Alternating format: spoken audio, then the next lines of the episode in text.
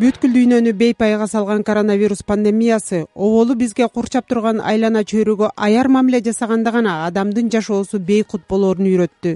Био түрдүүлүктүн азайып баратканы жана тамак ашка талаптын кескин өскөнү жан жаныбарлардан жукчу илдеттердин көбөйгөнүн көзгө сайгандай көрсөттү. Адистер белгилегендей оору сыркоонун алтымыш проценти кишиге айбанаттардан жугат. Ал эми жаңы аныкталган вирустардын төрттөн үч бөлүгү жан жаныбарлардан берилет улуттар уюмунун био түрдүүлүк боюнча эксперти биолог мария воронцованын пикирине орун берсек. Общество потребления завело в общем нас в ту ситуацию. Азыр биз туш болгон кырдаалга коомдун керектөөсү жеткирди пандемия болушу мүмкүн деген эскертүү кеминде отуз жылдан бери эле айтылып келген оорулардын төрттөн үч бөлүгү табияттан жапайы жаныбарлардан адамга жугары тууралуу илгертеден белгилүү болчу.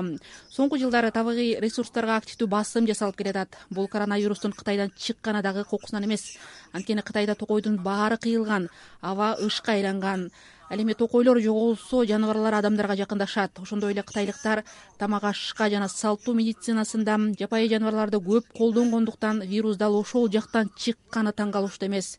Бирок бул бир эле кытайда эмес ухандагы базарга окшогон жерлер батыш африка менен латын америкасында дагы жайнайт. Учурда тропикалык токойлор көп кыйылып жаткандыктан адамдар көп вирустар жана бактериялар жугат деген коркунучта турат.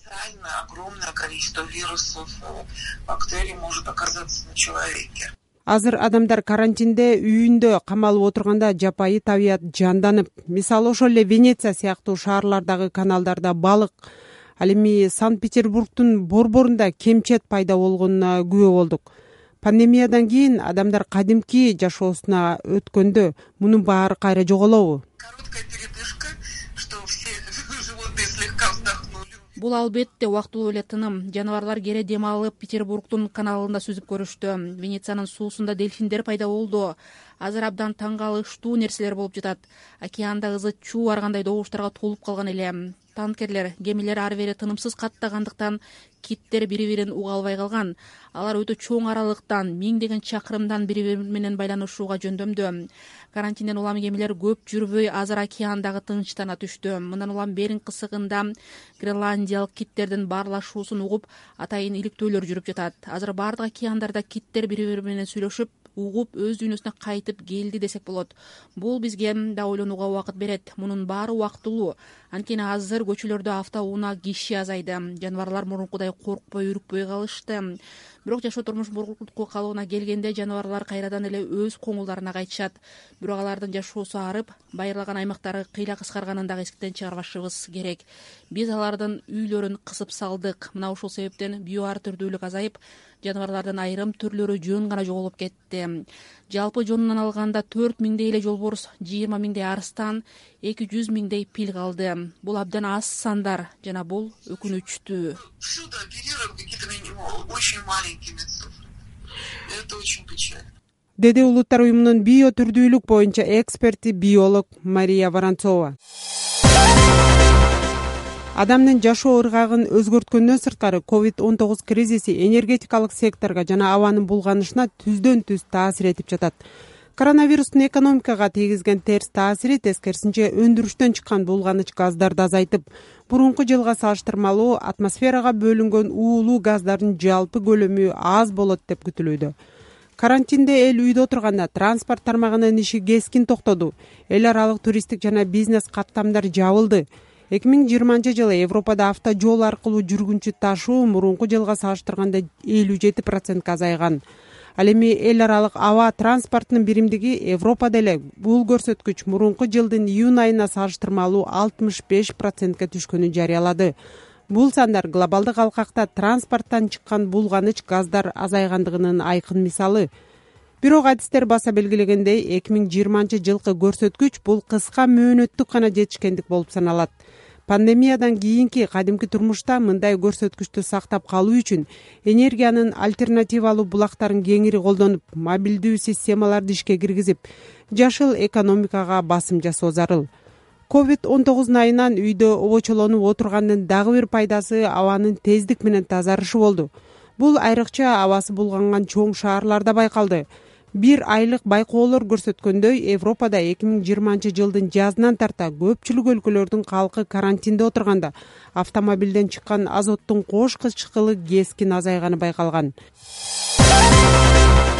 Бул көйгөйгө келгенде кыргызстандын баш калаасы бишкекти айтпай кое албайбыз. Дүйнөдөгү шаарларда абанын сапатын иликтеген world air quality уюмунун иликтөөсүндө үчүнчү төртүнчү январда бишкек абанын булганышы боюнча биринчи орунга чыкты борбор азиядагы америка университетинин окутуучусу экономист рахат сабырбековдун айтканына кулак салсак. Бул э, кыш бою орто эсеп менен э, жагдай абдан оор. Э, кээ бир күндөр болот кичине тазараак болот бирок мындай бүт кыш боюнча карасак жагдай абдан оор. Бир нерсени белгилеп кетчү нерсе бул э visual э now деген аппараттар булар жанагы кычкылдекти санашпайт булар жанагы партикулат метр дегендей кичинекей немелерди санайт да чаңдардычы бул бизге ошону эсептеген эле көрүнүп атат да абдан а башка газдарды алсак абдан андан да оор да анткени мисалы ошол эле формальдегид канцероген чыгарган газдар алар да көрүнбөйт да. Алар демек тигилер э, аябай жогорку деңгээлде болсо тигилер андан да көп. Деди экономист рахат сабырбеков. Адистер пандемия башталгандан бери булганган аба коронавируска чалдыккан кишинин абалынын оорлошуна кандай таасир этерине байкоо салып жатышат абанын булганышы жүрөк кан тамыр жана дем алуу органдарынын илдеттерин өөрчүтөт ал эми мындай оорудан жабыркагандарга ковид он тогуз жукса өмүрүнө өтө чоң коркунуч келет. Мисалы италиялык илимпоздор булганыч аба күкүрттүн кош кычкылы адамдын дем алуу органдарынын иммундук системасын алсыратып коронавируска туруштук бере албай калаарын аныкташкан. Германияда жүргүзүлгөн иликтөөлөр экологиясы булганган аймактарда жашагандар коронавирустан көп жабыркаганын көрсөткөн ушул тапта бул нуктагы изилдөөлөр уланууда. Илимпоздорду кызыктырганы булганган абадагы көзгө көрүнбөгөн катуу бөлүкчөлөр же чаң коронавирусту таратабы деген суроо. Италиянын бергамо шаарында абадагы чаңдан генетикалык анализ алганда ковид он тогуз вирусу табылган. Андыктан булганган аба коронавирусту бир топ жерге чейин учуруп барып инфекцияны таратышы мүмкүн деген божомолдор бар ошол эле маалда абадагы майда бөлүкчөлөр андайга жарабайт деген да көз караш басымдуу ошондой эле чоң шаарларда карантин маалында ызы чуу кескин азайып ал дагы убактылуу болсо да экологиялык жагдайга оң таасирин тийгизди.